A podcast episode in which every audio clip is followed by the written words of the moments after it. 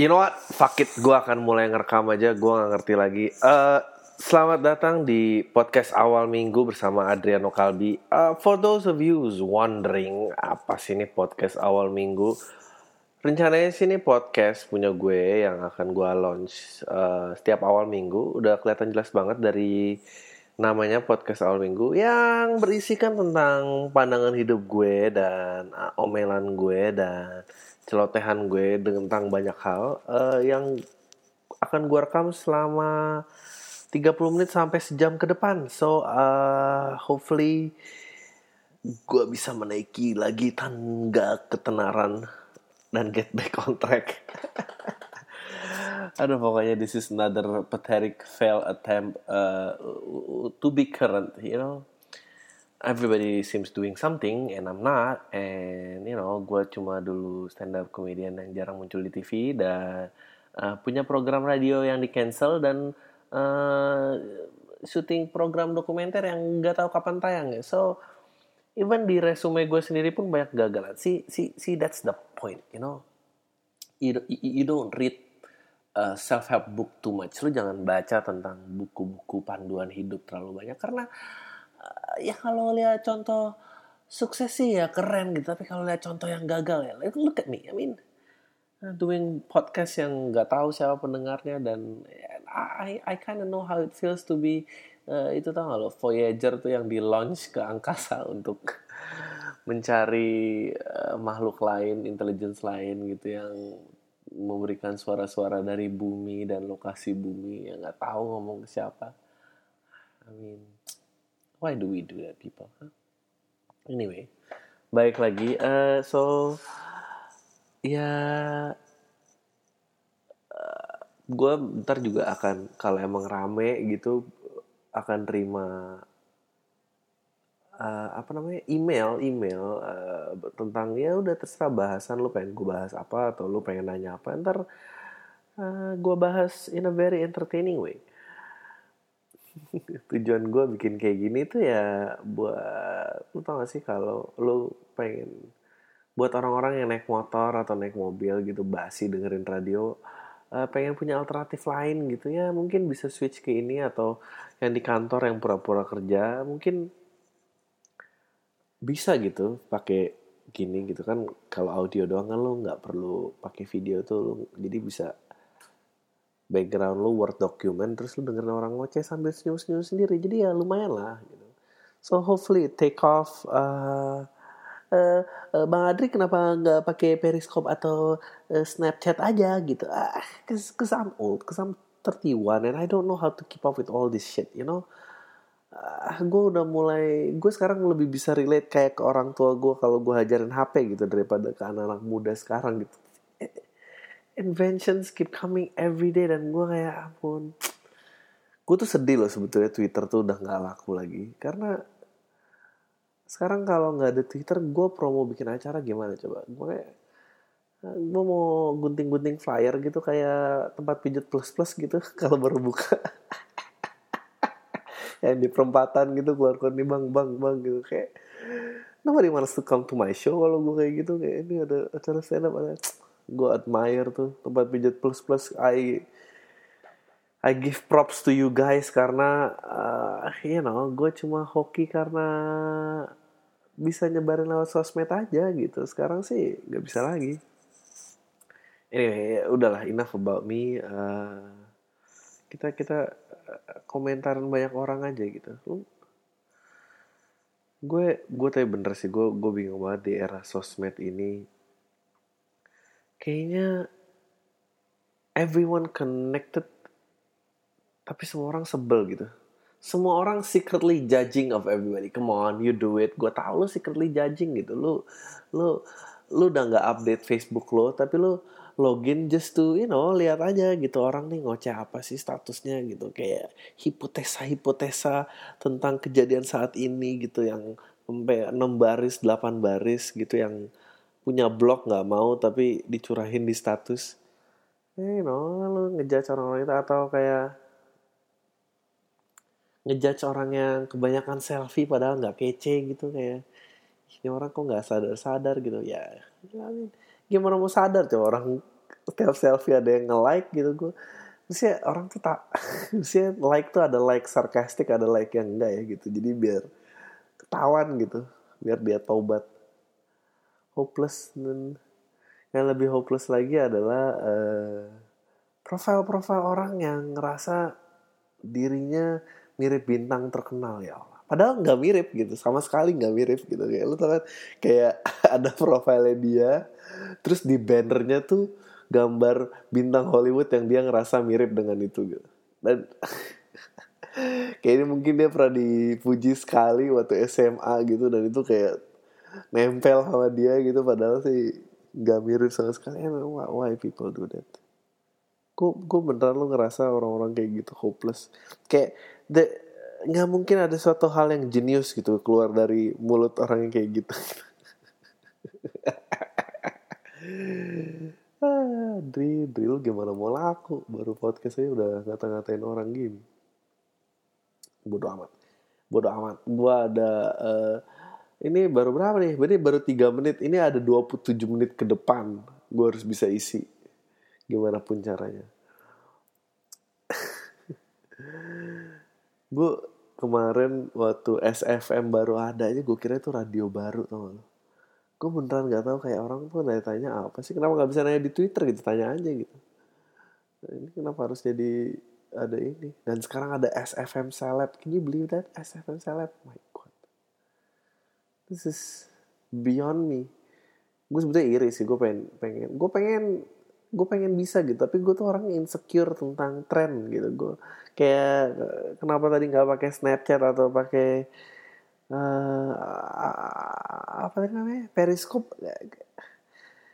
Karena gue nggak nyaman makin lu lu nggak kayak gitu ya? Mungkin sama karena gue tua aja ya. Kayak lu nggak lu nggak kayak gitu ya? Kayak kalau ada tren baru lu tuh tak takut gitu langsung nyoba. Karena lu takut dijudge gitu kan kayak ya elah norak banget sih emang kenapa sih yang lama? Gitu. Gue gue tuh selalu ngerasa gitu. Gue tuh baru nyaman ikut tren tuh kalau tren itu udah lewat dua tren. Jadi kayak gue belum pakai tuh celana yang ada karetnya di bawah, nah, gue belum pakai tuh. Gue gue masih pakai uh, skinny jeans saja tuh celana yang cucut di bawah udah gitu. Gue nggak nggak nggak sampai gue belum dilipat bahkan. Yang dilipat gue baru tak tangan doang sih kalau nggak nggak nggak nggak ini malu juga gue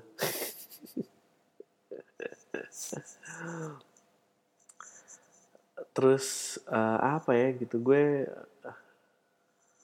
lu pernah gue tadi di kantor karena kantor gue di mall gitu lagi ada kayak bazar bazar gitu ada uh, ada stand tarot gitu ramal tarot. Gue tuh uh, gue bingung sih kenapa orang mau diramal. Kayak dan ini tuh ramalannya seratus ribu per 15 menit gitu. Kayak seratus ribu 15 menit lu nggak pengen makan enak aja gitu ya.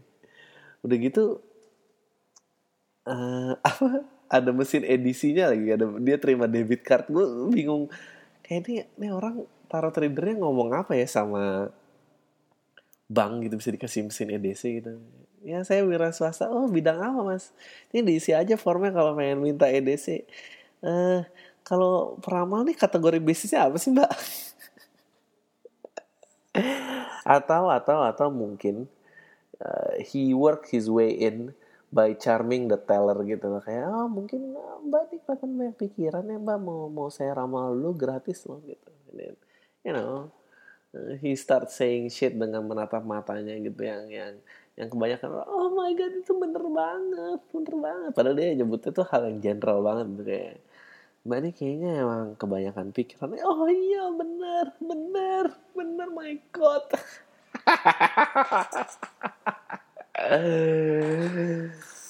Kayak apa namanya uh, ya gue gue gak itu juga hopeless tuh gue ngeliat orang kayak gitu yang yang matanya bisa berbinar-binar karena diramal sesuatu sama orang gitu like like as if jawaban akan hidup tuh segampang itu gitu Don't kalau semua jawaban hidup bisa dicari dalam ramalan? Semua orang tuh pergi ke peramal gak sih daripada sekolah ya gak sih? lo tau lah ya kayak lo nyebut oh iya nih uh, uh, kayak banyak pikiran nih ini sebetulnya kayaknya ada yang suka tapi nggak berani bilang gitu ya. Oh iya bener banget bener. Kayaknya si A tuh suka deh sama gue. Oh my god. Yang mulai mata berbinar-binar ke depan. Ah ya. don't don't please please don't date someone like that. Janganlah nggak usah dipacarin gitu. How, how could you not see bahwa ya dia nggak jejak bumi aja gitu sama ini menurut gue nyebelin tuh adalah orang-orang yang so asik. Nah sih orang-orang so asik yang kalau cowok tuh menurut gue yang so asik tuh yang udah lama gak ketemu terus ketemu cute gitu. Kayak apaan sih lo gitu. Nah, kenapa ya orang-orang so asik ini tuh nggak pernah sadar kalau dia tuh so asik ya? Lo gak pernah kepikiran gitu kayak gue gue gue beneran bingung loh. Kayak kayak kayak orang boketek gitu. Dia tuh nggak pernah sadar kalau dia tuh bau gitu. Kayak ya anjing dia kayak gini aja seumur hidupnya kayak gini gitu. And you know what kills me? Uh, adalah entah yang so asik atau yang boketek itu sama-sama punya pacar loh gue kayak masa lu nggak bisa lihat sih bahwa dia tuh palsu gitu. Kayak lu tuh dia tuh bau masa lu mau pacaran sih? Kata temen gue tuh hit gue pernah berdebat ini sama temen gue tuh temen gue bilang kayak enggak Dri soalnya eh, apa penciuman itu indera penciuman tuh indera yang paling sensitif tapi juga dia paling cepat beradaptasi. Jadi katanya uh, uh, setelah uh, kalau lu 8 detik tuh lu lu hilang gitu baunya. Nah tapi kalau 8 detik masa lu nggak pernah sih kayak kalau dijemput naik mobil gitu perubahan udara dari luar mobil masuk mobil masa lu nggak berasa gitu bedanya? Kayak lu nggak pernah nanya gitu kan aku tiap naik mobil kamu agak bau apa? gitu ya. Tapi nggak apa-apa sih soalnya setelah 8 detik hilang gitu. Aduh. Nah gue tuh suka banget lo ngomongin orang. I actually found a joy ngejudge people. Ah shut up shut up. Lo you, you, you've done it too gitu. No no. Jangan merasa sok suci dibanding gue lo juga kayak gitu sama aja gitu. Nah menurut gue ngejudge orang tuh ngomongin orang di belakang tuh adalah hal yang baik. Karena apa? Karena uh, emang menurut lo Indonesia bisa merdeka gimana kalau ngomongin orang gitu? Itu kan itu kan pasti ada satu orang yang mulai ngerasa kayak kalau zaman penjajahan dia ngerasa kayak menurut lo Belanda kayak tanya gak? Uh, abang juga ngerasa kayak gitu bang. Ini kayak gitu ya gak sih? Inilah awal mula perjuangan gitu. Nggak mungkin. So so shut the fuck up. Let me let me do my ramblings. And we're on we're on the anjir belum ada eh 400 detik itu berapa sih 400 oh oh oh oh oh. Ah, ada like lupa gue ini nih. Anjir masih lama banget loh ini. I don't know how people keep this up. Mantus orang gunain Snapchat dan Periscope ya. Ah, no fuck it. You know, I think lo bisa dengerin gue sampai ya mungkin lo siapa tau lo jadi eh, saksi gue tiba-tiba gila gitu. Siapa kayak stand up comedian jadi gila gitu. And you found my early recordings gue ngoceh-ngoceh dan gue ternyata gila.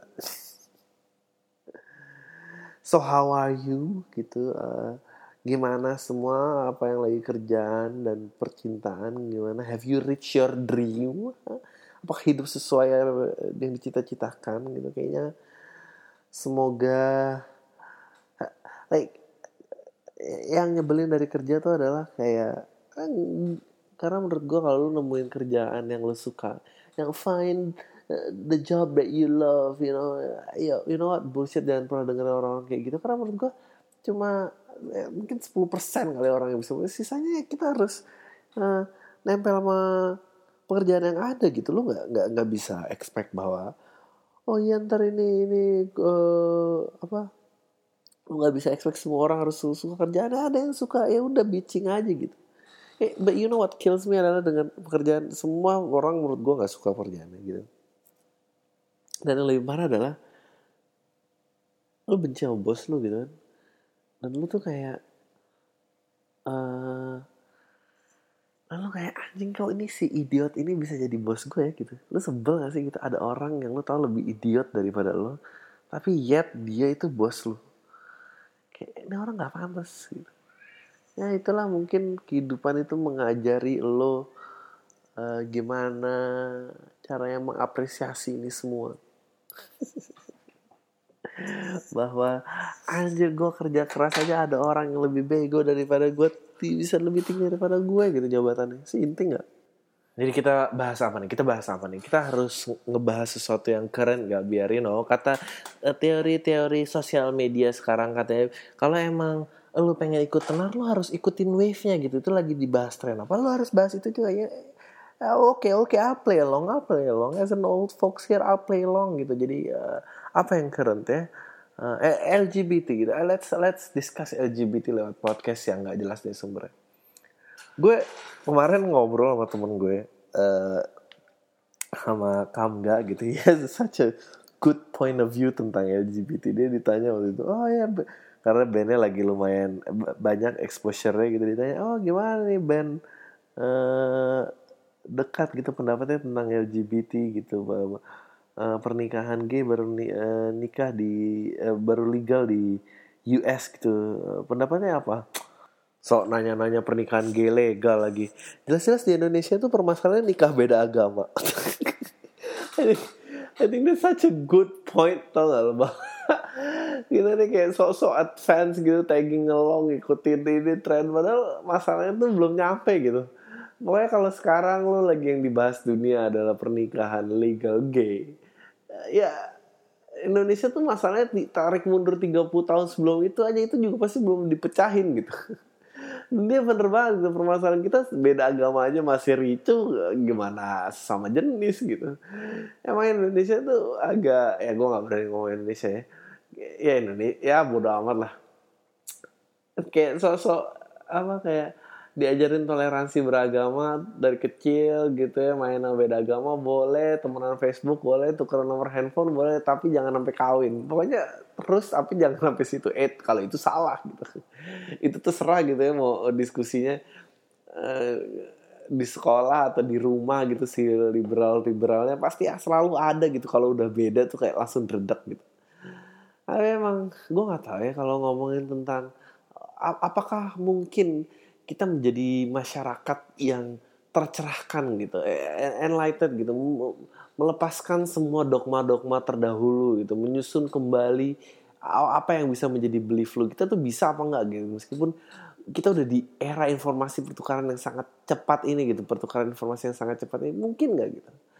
Gue gue I like to, gue nggak tahu ya Indonesia sih gimana, but I like to think gue tuh udah tercerahkan gitu. Gue cukup fleksibel dalam gue berpikir. Tapi even gue aja itu nggak berani loh mandi kalau habis dikerokin. Ya gue tuh ngerti gitu kayak oh setiap manusia tuh mesti mempunyai hak yang sama. Gue ngerti how to behave with them gitu. I know what to do with my family nanti kalau gue punya. Tapi kalau nanti menyangkut apakah gue bisa mandi setelah kerokan gue nggak berani loh gitu. Ada yang berani nyoba nggak di sini gitu? Gue gue pengen tahu gitu. Mitos itu bener apa enggak gitu? I mean how can how can we progress as human being ya gitu? Kalau mitos-mitos dulu lu tuh nggak berani lo runtuhin gitu. Dan salah satunya yang nggak pernah runtuh menurut gue adalah mandi habis kerokan sih. Pasti kalau udah kayak gini jangan gila lo jangan mandi gila. Lu ya have a death wish or something gitu. Kayak anjing dan itu tuh berlayer loh kayak berlayer loh kayak eh, satu lu masih percaya kerokan itu menyembuhkan masuk angin eh, dan itu aja udah second layer gitu kayak lu percaya ada masuk angin gitu. terus kedua kerokan menyembuhkan terus ketiga kalau lu mandi lu bisa mati. Gitu ini ini ini. E, emang cara menutupi kebohongan tuh emang to create another lie on top of it gitu. Bahwa oh iya ini kalau nggak ini, ini kayak gitulah gitu. Kayak kayak kayak lo dulu mau selingkuh dari pacar lo lah gitu. Lo pasti kalau kayak uh, kalau misalnya lo bilang oh ya gue harus uh, meskipun lo bilang lo katakanlah lo cabut sama selingkuhan lo uh, hari Jumat dan 8 malam lo pasti bohongnya kayak oke okay, hari Jumat yang 8 malam gue nanti bilangnya ke mana ya? Gue ke rumah temen. Ntar lo pasti harus kayak oh kalau gue kenapa gue ke rumah temen? gitu kan. Uh, karena gue mau minjem buku. Uh, uh, siapakah temen yang bisa dipinjam buku? gitu. Lo jadi harus banyak banget gitu. Dan dan coba apalagi sih yang mesti kita bisa bahas tentang sebelum kita melangkah membahas LGBT gitu apalagi kebohongan-kebohongan yang mesti kita uh, bisa bahas eh, sejarah Indonesia aja dari pasti laku banget tuh. Kan di Indonesia suka banget kalau ada pembicara yang pintar oh, lu capek gak sih kayak gitu? Lu capek gak sih kayak uh, ngomongin politik kenapa kita tuh suka sih if someone sounds smart gitu. Why can't we decide that for our own gitu? Gue paling sebel kalau ada yang uh, sok pinter gitu. Apa gue perlu kasih jargon-jargon gitu kayak biar lo terjual gitu gue biar gue sound smart gitu. Kayak podcast dengan joke pintar. Gue harus harus state itu ya baru ngerti bahwa ini joke pintar. Gue gue agak menghindari uh, ada tukang lagi lewat. Gue agak menghindari ngomong-ngomongin politik. Uh, pertama karena no, no one really knows what's going on. So everything is just speculation aja gitu ya, lo nggak pernah tahu apa gitu. Is it is is it sesimpel itu gitu kayak uh, oh dia korupsi orang itu ngambil duitnya karena dia apa karena dia pengen kaya aja gitu. Gue gue pengen kaya juga nggak nggak pengen ngambil duit segitu banyak gitu. Itu, itu pasti ada yang lain gitu. How could you kayak eh, Edi Tansil gitu zaman dulu gitu ngambil eh, tiga setengah triliun gitu. One person gitu. Ayo ayo fucking sure gitu one person gitu. Tiga setengah triliun lo ngambil sendirian. Gue juga pengen kaya gitu tapi gue kalau mau kaya juga gue uh, ini sih kira-kira sih gitu. Kalau tiga setengah triliun ya kalau ketangkep ya lu yang bodoh sih. Gue sebagai maling juga kalau lihat kenapa kenapa bang oh ya saya korupsi nggak oh ngambil berapa? Tiga setengah. Wah abang nyari gara-gara sih bang gitu. Kenapa nggak ngambil 200 juta 50 kali aja bang? Mungkin nggak ketahuan. You know and I'm, I'm not condoning corruption and stealing ya. Ini, ini cuma hipotek hipotesa doang nih. Ntar jadi gila lagi semua orang. Itu satu. No one knows gitu. Kedua gak nggak ada solusi konkretnya ya gak sih? Nggak nggak ada yang kayak oh harus apa. Eh yang ketiga kalau hipotesa orang pinter itu salah dan dan kejadian sekarangnya tidak sesuai dengan hipotesa orang itu orang itu gone gitu. Ya, uh, kayak kemarin gitu uh, eh, gue mau angkat lagi nih. Siapa uh, dan ya, ya presiden kita sekarang sama lawannya gitu. Kayak banyak banget yang belain presiden kita sekarang. And then he's not doing a really good job. And then orang-orang yang belain itu mana nggak ada gitu. No nobody gives a shit gitu. Ya ya gue ya, jadi ya udahlah. Nah, mungkin terus sekali sekali kebahas tapi kalau enggak uh, ya gue mau ngomong apa. Uh 700 detik. Berarti masih ada kalau sejam itu uh, akan ada 5300 detik lagi. Shit masih lama banget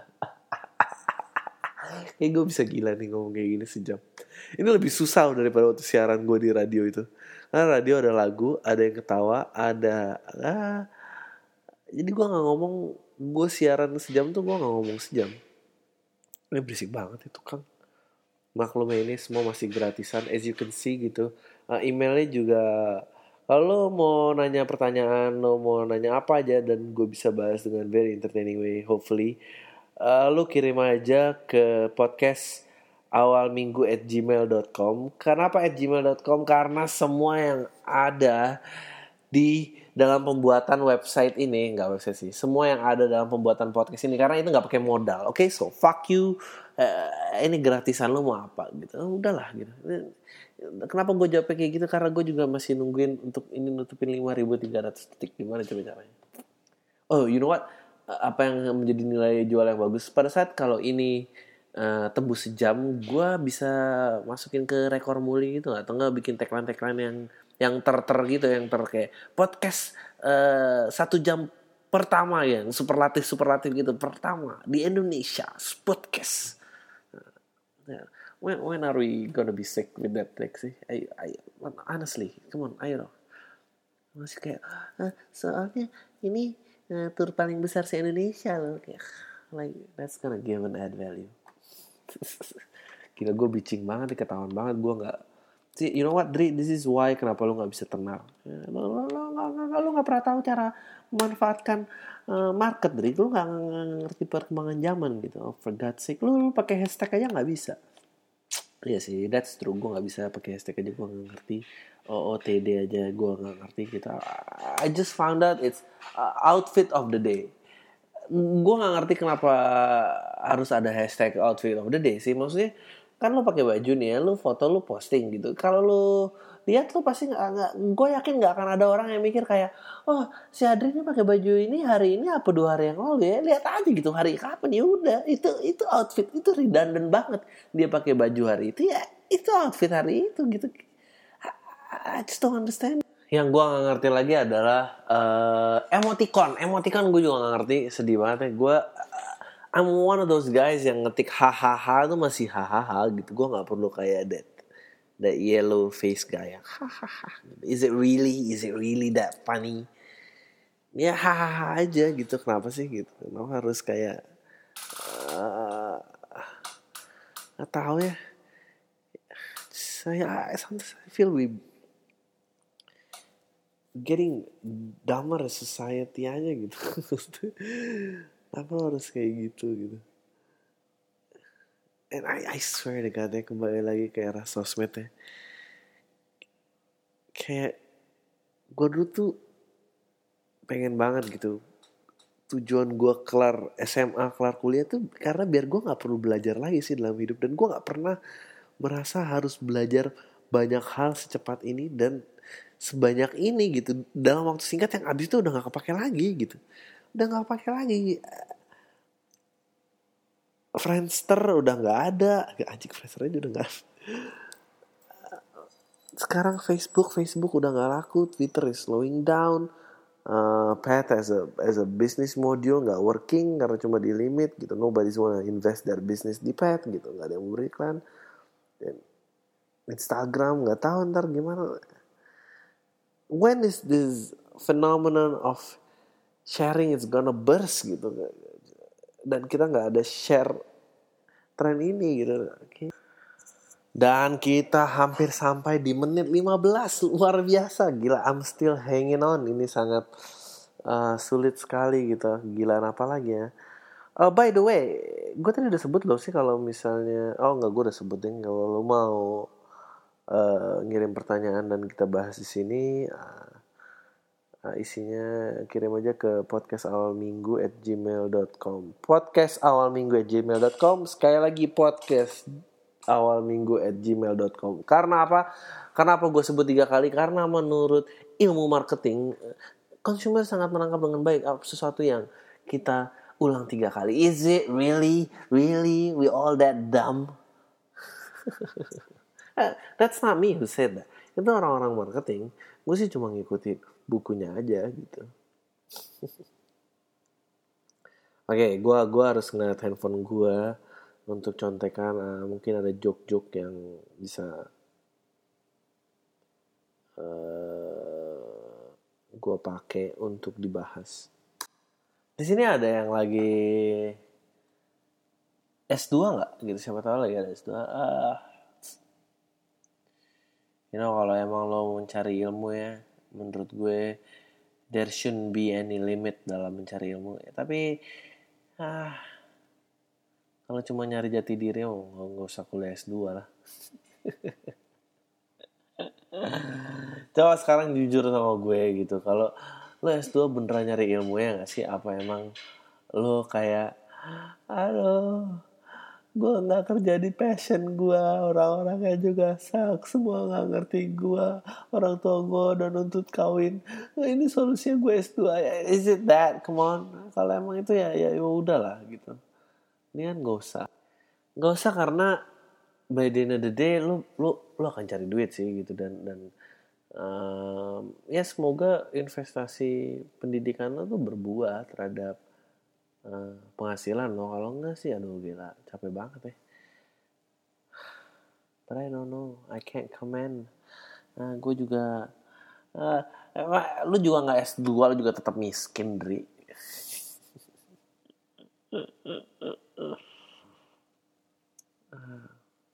You know what's worrying about selain LGBT menurut gue uh, gue kemarin main di tempat temen gue uh, gue belum pernah ngerti. Kayak anak-anaknya teman gue tuh ternyata kesenangannya kayak anak-anak umur 4 tahun doang gitu. Tuh kesenangannya minta ke orang tuanya adalah uh, ayo dong ma aku boleh nggak uh, upload video ke YouTube? Kayak wow that's that's amazing gitu. How could how could four year old have a thinking yang dia mau upload uh, video ke YouTube gitu. Gue aja umur 31 gitu baru mikir mau upload kayak gini. Itu juga karena gue pernah jadi ya semi artis Twitter lah. Eh, dan itu cuma maintain itu doang gitu. Kalau nggak gue juga nggak ini.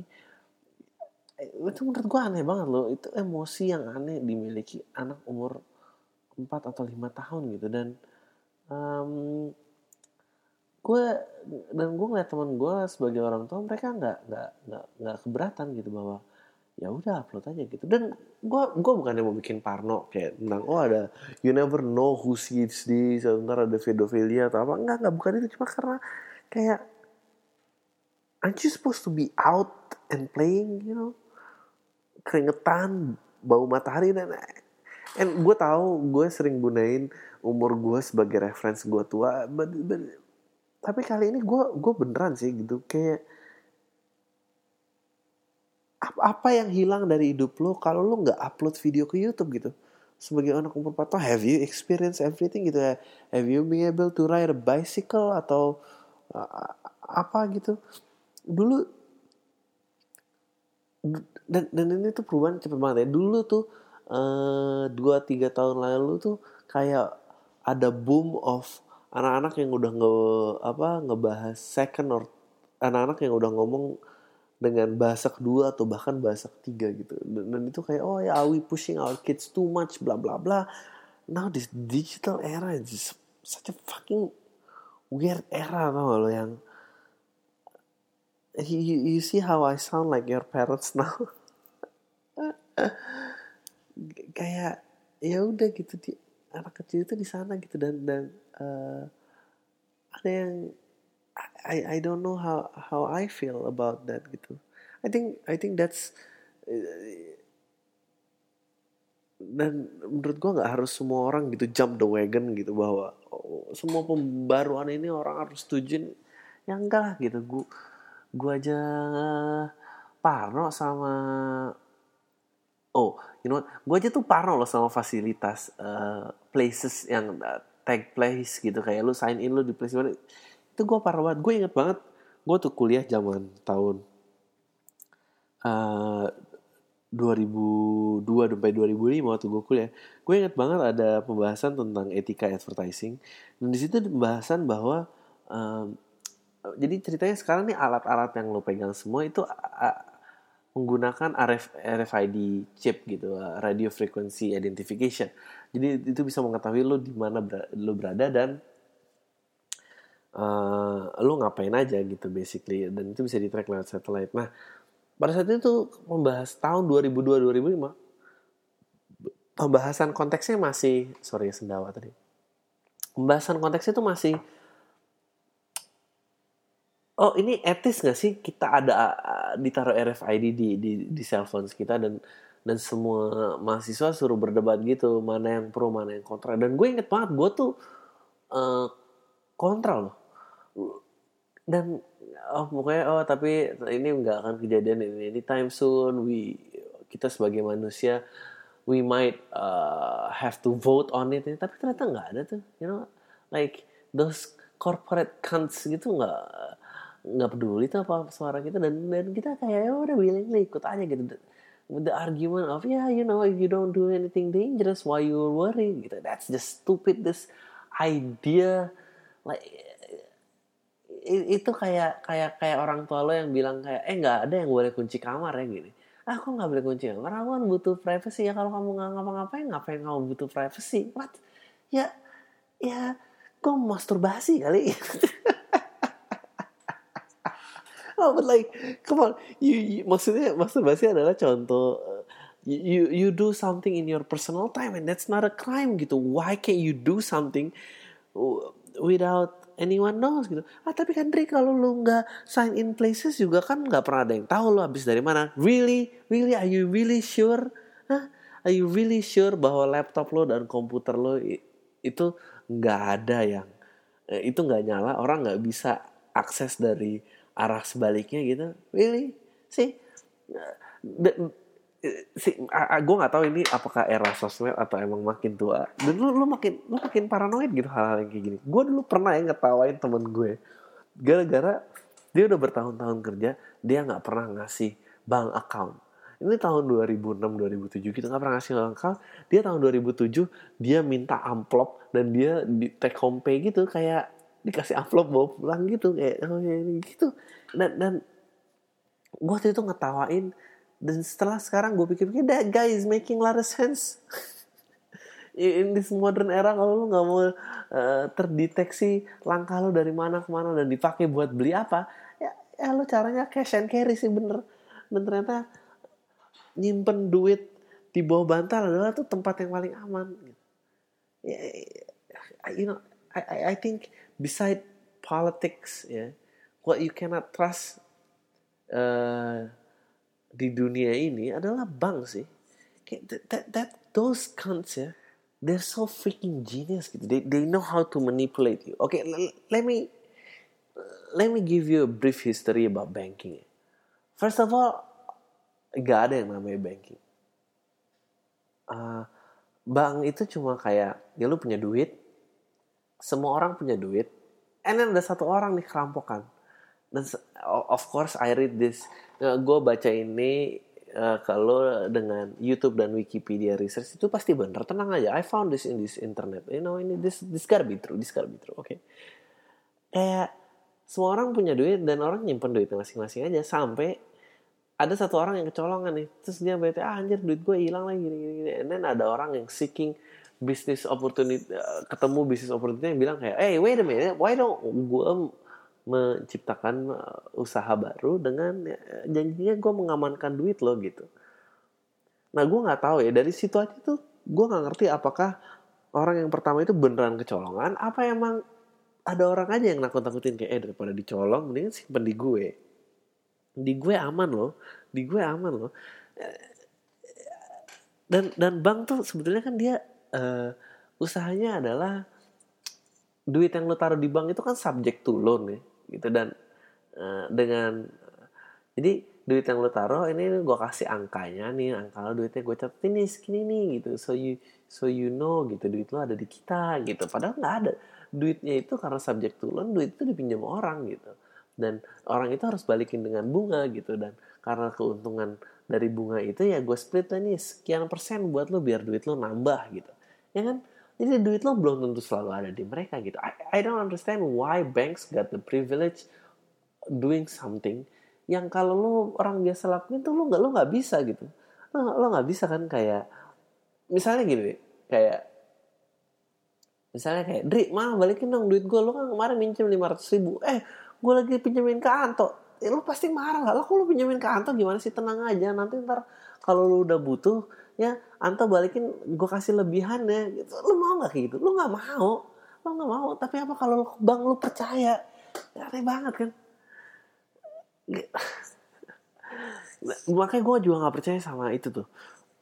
Itol itol card gitu. Itu, itu kan duit lo lu spend biar dapetin so, seolah-olah saldo yang katanya nilai nominalnya sama yang bisa lo dibelanjain di tempat yang udah gue ajakin kompakan ya sih kayak sini duit lo lima ribu nih gue kasih voucher lima ratus ini lima ratus nih bisa lo tukar di warung san lima ribu sorry sorry sorry sorry oke lo ngasih duit lima ribu ya gue kasih voucher lima ribu ini voucher gue bilang cuma bisa ditukerin di warung itu. Uh, bisa beli barang yang harganya lima ribu juga itu nilainya nggak sama men itu duit lo udah hilang duit lo udah hilang. Lo kayak itu namanya dikasih duit mainan. Am I not making sense here apa gue aja yang parno kayak orang gila di sini Anjir 20 menit. Uh, 10 menit lagi. Oke. Okay. Ya jadi kayak bank tuh kayak gitu. Um, itu duitnya udah gone man. Kalau mau sih gitu kayak oh ntar bisa dibuat bayar pakai ini sama kok kayak dengan nilai duit lah duit yang sebelumnya oh ya really karena kalau sama kenapa nggak bisa gue tukar pakai duit gue lagi gitu ya nggak bisa dong duitnya kan udah kita pakai buat gitu. See this is this is why Dri lo nggak akan maju. Lo mungkin juga end up uh, ma mati kali dibunuh mafia karena lo baru aja membongkar salah satu uh, teori yang ditutup lama oleh kaum kaum Illuminati. Dan lo baru saja membuka rahasianya. Kan uh, bener kan? Lo dengerin podcast ini lumayan gitu ada ada pinter-pinternya. Sama asuransi gue juga nggak percaya sama asuransi kayak kayak kayaknya asuransi itu selalu dengan slogannya bilang kayak oh we here to protect you. Really? Really to protect us gitu. How dan how come there's no insurance di Afrika? Karena karena semua orang karena yang mati lebih banyak kan gitu. Dia nggak sanggup bayar gitu dia dia berani protect all of us iyalah gitu kayak asuransi jiwa ini dia kenapa lo hidup tuh jangan terlalu optimis ini asuransi jiwa life expectancy kita tuh 50 tahun lebih loh. Kalau lo ikut asuransi jiwa ya, dari ta umur lo 20-an, 100 orang, kemungkinan berapa banyak sih dari 100 orang itu yang mati? Hah? Yang hoki kayak, entar kalau mati nih kita kasih 200 juta untuk cover matian lo. Kayak, udah lo mati, duitnya gak bisa lo nikmatin. A apa gitu? Dan ini semua kita bayar. Iya, tapi dalam 30 tahun itu dari 100 orang tadi umur 20 tahun berapa yang mati gitu. Kalau kalau emang lu beneran misi yang mulia buat melindungi orang kena kenapa lu nggak bikin asuransi jiwa di Afrika gitu atau atau atau tempat lain yang eh, rate kematiannya tinggi nggak bisa kan gitu hanya itu menurut gue yang punya ide bisnis itu jenius banget.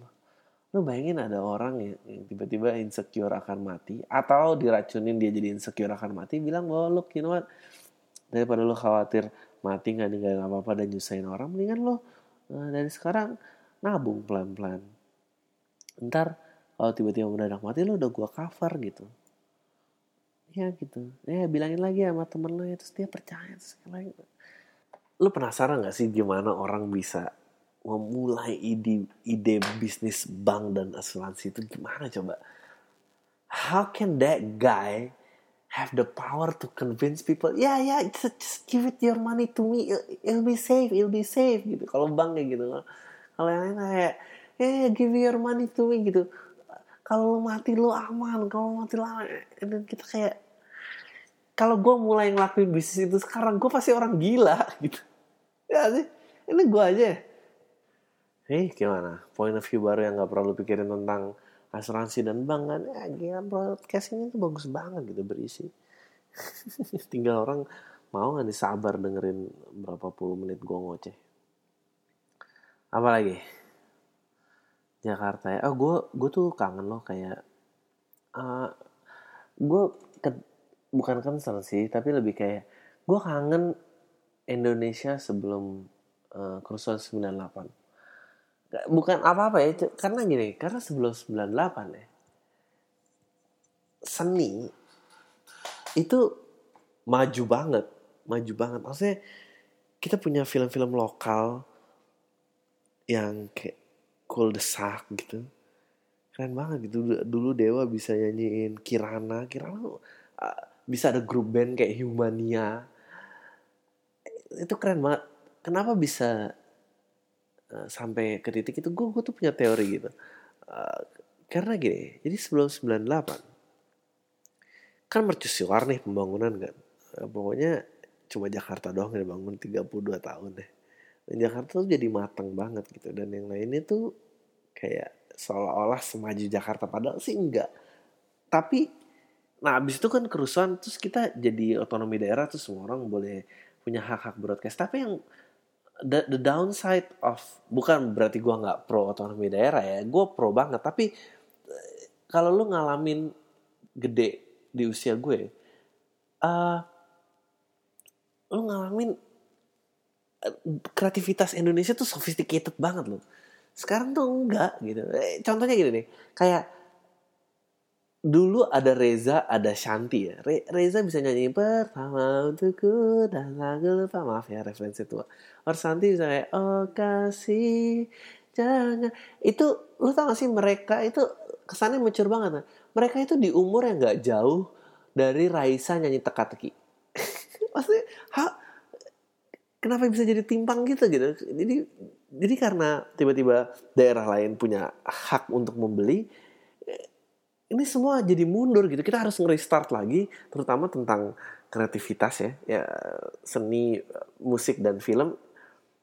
Karena tadinya Jakarta udah mature, now so, kita baru ngeh kayak oh market ada market di luar Jakarta lah ya, yang perlu di serve dulu kan siaran TV-nya kan semua cuma dari Jakarta. Jadi terserah lu mau suka nggak suka, yang penting Jakarta suka ini ya lu cuma lihat ini ya lu belinya ini gitu. Nah sekarang kayak ada otonomi daerah yang orang-orang lain merasa bahwa enggak yang bagus A, yang bagus C, yang bagus E. Ya udah deh akhirnya yang akhirnya sekarang mundur deh kayak gini. Makanya band-bandnya pun jadi kayak kayak gini gitu. Menurut gue gini dan yang nyedi, yang sedihnya adalah gue gue tapi setuju ya gue bukan gak setuju sama otonomi daerah gue setuju sama otonomi daerah karena menurut gue artis daerah masing-masing tuh harusnya mengcover daerah masing sekarang yang terjadi juga akhirnya artis Jakarta harus jadi artis nasional which is gue nggak setuju gitu. Yang bener tuh lokal bisa melayani lokalnya sendiri gitu. Eh, kenapa bisa ada Seattle Sound? Karena waktu itu Seattle khas banget dan semua orang mau jadi uh, lo lo bisa tahu kalau dengerin Red Hot Chili Peppers oh nih California kayak gini. Dan mestinya tuh kayak gitu gitu. Sekarang tuh nggak ada gitu. Sekarang tuh ya nggak nggak jelas gitu. Kayak Batak enggak Jakarta juga enggak gitu. Bandung enggak. Menurut gue Jakarta tuh harus take off sih. Jakarta harus bisa survive.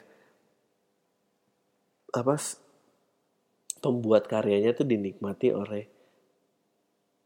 kotanya sendiri gitu. Sekarang akhirnya juga yang yang Jakarta Jakarta harus harus jadi uh, artis nasional dan menenggelamkan artis-artis lokal lainnya kan artis lokal juga jadi nggak bisa jadi raja di tempatnya kan karena selalu ada artis Jakarta kan. Nyebelin kan menurut lo cing gitu gue sirik aja nih sama artis nasional. Nah tapi ya kan kayak anjing dan dan nggak ada buat gue yang lebih menyakitkan daripada ngelihat artis yang harus menurunkan tingkat karyanya demi mencakup masyarakat yang lebih luas. Itu menurut gue ngeri banget. Menurunin tingkat kreativitasnya sama belaga so muda gitu. Kayak gigi gitu ya. Gitarisnya 50 tahun lebih itu sekarang lagunya cinta Facebook gitu. emang emang bikin Facebook account ada ya pilihan tahun lahir yang 50 gitu? Kan dia nggak tahu gitu. Ah sakit banget deh pokoknya kalau udah harus kayak ah anjing ini gue juga jadi curhat ya ini nggak ada yang lebih nyebelin harus mentondang kreativitas lo gitu kayak harus jadi lebih muda lo nggak muda gitu kayak kalau saya ngelucu gitu kayak emang mereka ngerti ya kalau itu lucu? Tuh ya nggak ngerti karena gue harus ngelayanin Sabang sampai Merauke of course gue nggak bisa jamin gitu. Tapi kalau yang di lingkungan gue dan apa gue pasti ngerti tapi kan tapi karena udah terlalu lama dengan media nasional media lokal tuh mati gitu. Nggak ada kalau media lokalnya survive yang kita nggak pernah punya masalah ini gitu. Misalnya uh, majalah apa gitu yang yang layani Jakarta dong ya dia ikutin selera Jakarta. Juga Jakarta sekarang gede banget sih. Do you know that Jabodetabek tuh 25 jutaan, Jabodetabek 25 jutaan, sedangkan benua Australia itu 22 juta satu benua. Makanya macet banget kan. I don't know when people gonna stop coming to Jakarta gitu. ah gila bahasannya untuk episode pertama berat banget ya jadi kita udah ngebahas apa tadi sosmed era current people and then apa tadi tuh banks insurance sampai uh, impact dari media nasional media lokal ya motherfucker. Uh 30 menit saudara-saudara setengah. Aduh gue penasaran juga sih gue bisa ngelakuin podcast ini. Bisa nggak ya gue komit tiap minggu kayak gini sebelum gue jadi gila? Terus sekarang aja tuh rasanya otak gue udah kayak aduh uh, ya pokoknya buat lo yang dari tadi ketawa dan atau nggak paling nggak senyum senyum dikit lah. Kalau senyum senyum dikit sebetulnya lo pengen ketawa itu cuma karena bukan di komedi club aja lo jadi nggak ketawa gitu. Kalau lo tetap dengerin ini dan lo masih dengerin gue gitu ya berarti lo suka ini. Please uh, tell your friends tweet about it talk about it. tweet about it. Does it that sounds old already? Does that sound old? Ya tweet about it uh, mention ke Twitter gue Adriano Kalbi atau email ke podcast awal minggu at gmail.com uh, ini juga ada podcast awal minggu. Lo bisa nikmatin ini di podcast awal minggu at soundcloud.com dia pakai dia pakai ad gak sih? Aduh gue gak tahu deh. Taruh deh gue beresin lagi. Dan ini bisa juga bisa baca iklan nih kalau ada yang mau masukin slot iklan cik gitu. Gue udah mulai promosi promosi telek gini sebetulnya banyak sih yang pengen gue bahas tapi kok kayaknya offense levelnya makin parah ya. Tapi tadi juga udah berat sih banking insurance and then media nasional. And then ya um, oh ya dari politik ah, ini, ini kaitannya deh juga balik lagi ke politik ya. Media nasional itu karena untuk mempermudah partainya aja sih yang dibalik stasiun media tersebut gitu. Karena ya udah gue pokoknya dari Sabang sampai Maroke gitu. Can you imagine uh, kalau kita berhenti dengerin stasiun nasional gitu ya betapa sulitnya mereka mereka mini pemilik partai dan korporasi ya to get our money gitu. Don't you think that's what we should do as as people gitu biar nggak gampang di frustrate eh, biar nggak gampang kalau mau dibombardir message mereka biar nggak gampang kalau dibujuk kalau gue harus beli produknya mereka gitu. Uh, spread it out gitu biarin media lokal tuh hidup gitu. Jadi kayak ya udah lu lu mau bikin iklan pemutih ya lu lu lu bikin itu buat di radio Semarang kayak apa Jakarta kayak apa uh, di Indonesia Timur kayak apa di Sumatera kayak apa gitu ya gak sih sekarang ya, ya udah gue bikin satu aja yang pakai bahasa Indonesia. Ini katanya bahasa persatuan kita. And then that's it gitu. Everybody ke expose sama message-nya gitu. Aneh kan? Nah, kalau partai juga pilih partai A. Ya lo kalau misalnya gue pengen milih partai lo ya lo door to door dong gitu. Uh, ketokin nih satu persatu ngetoknya gimana gitu. Di Jawa kayak apa di Padang kayak apa di Kalimantan kayak apa ya dong gitu. Jangan di generasi kita semua sama. Enggak kita nggak sama gitu. Dan itu dia itu dia kenapa gue nggak pernah gue jarang manggung di luar Jakarta. Cih gitu sok banget. Karena emang nggak laku di luar Jakarta. Jakarta aja nggak laku. Tapi you know ya gue hopefully tadi memberikan sedikit pencerahan sih buat lo gitu. Kenapa kalau kenapa kalau lo sebel gitu ya sama oh, uh, film lagu uh, ya karena dia nggak dia dia terlalu ngegampangin gitu soalnya tuh cerita semua orang gitu. Lu luar, luar negeri ya nggak tahu ya kalau lu ngeliat US ya kalau lu gue, gue suka musik gitu. Gue suka The Killers. Uh, kalau denger The Killers lo tau itu Las Vegas sih kayak gini gitu. Ah, ya. Seattle dulu ada apa aja gitu. Oh LA gimana California gimana New York New York rap kayak apa gitu. It's it's all different. They have their own flavor. gitu dan mereka tuh dengerin lokal gitu. Mereka nggak selalu terekspos dengan berita nasional. Kasihan lagi. Eh, eh, eh it'll be good for everybody. Gue gue ya punya pengalaman gitu di, di kerja periklanan gitu. Sekarang ya industri periklanan itu gue cuma di Jakarta. Karena kalau lo harus bikin iklan yang versi berbeda-beda corporate have to spend more money. Ngebayarnya ke agensi-agensi lokal di kota masing-masing gitu mereka duitnya banyak udah biarin aja lah gitu. Nggak apa-apa gitu. Sekarang how big their yachts perahu mereka tuh lu pengen bikin segede apa gitu? Nggak ada kan? Ya udahlah gitu. Please. Be alert. You know and then another thing ya if if if this with gue produce ini with such a bad quality recording I'm I'm sorry. Gila nih udah berapa menit deh? Ntar lagi gue gila pasti nih.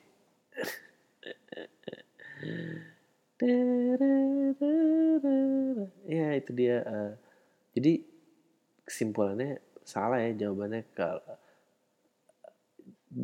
jadi Jakarta dulu pernah maju banget tapi itu ilusi karena oh ya di di di absorb nasional gitu. Ternyata begitu di dismantle setiap region bisa berbicara gitu punya otonomi daerah uh, yang menjadi Jakarta banget tuh nggak nggak survive. Tapi kan lagunya jadi bagus ya gak sih? Bisa connect gak sih? Kalau paling nggak sebagai masyarakat Jakarta lah. Dulu slang bisa bikin uh, anak menteng kupu-kupu liarku gitu. Dulu Dewa Selatan Jakarta. Ya gue jadi suka. Sekarang kalau harus general gitu ya yang ya aneh gitu. Maksudnya di luar negeri juga ada kayak New York State of Mind gitu. It's so specific gitu. Dan ya udah gitu kalau daerah lain suka pengen tahu rasanya Jakarta Selatan kayak apa ya ya dengerin. Tapi kalau enggak ya udah gitu. Ya gak sih?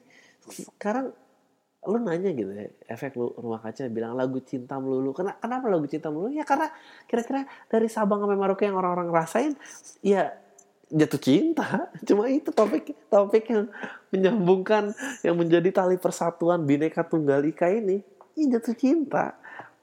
Kalau kalau lu bilang kayak oh, kerusuhan Aceh ingin merdeka Jakarta gitu atau Indonesia Timur we, we don't give a fuck gitu. Indonesia Timur kita nggak punya akses air bersih gitu. Gue gak peduli sama lagu lo gitu ya gak sih? And, and, and no one advocating this gitu. So mendingan mendingan lu berhenti sih dengerin media nasional. Benar. Terlalu gampang terlalu gampang buat korporasi mengekspresikan uh, message-nya terlalu gampang parpol menarik ya, mengeksposkan suaranya gitu. So stop. Anjing berat banget itu. Perlu nggak nih sekarang tagline-nya podcast pintar? Hah? perlu nggak? Perlu gak? apa apa itu harus jadi namanya? Hai guys. Uh, gue actually salah melihat time code. Itu actually udah 57 menit. So I guess that's the first podcast uh, itu aja gue tahu pasti banyak kurangnya um, dan masih susah ya mungkin minggu depan gue akan balik lagi so I will try to post this every Monday. Uh, gue juga menunggu um, pertanyaan-pertanyaannya kalau mau kirim ke gue. Jadi lo bisa aja mention Twitter gue at Adriano Kalbi atau cari podcast channel ini di YouTube at podcast awal minggu di uh, SoundCloud juga dengan nama yang sama. Atau kalau mau email lo kirim ke podcast awal minggu at gmail.com. So itu aja guys. Uh, hopefully I'll see you next week. Cik gitu. Cukup pada umum ya kayak tadi ya. Oke. Udah tai lalu semua.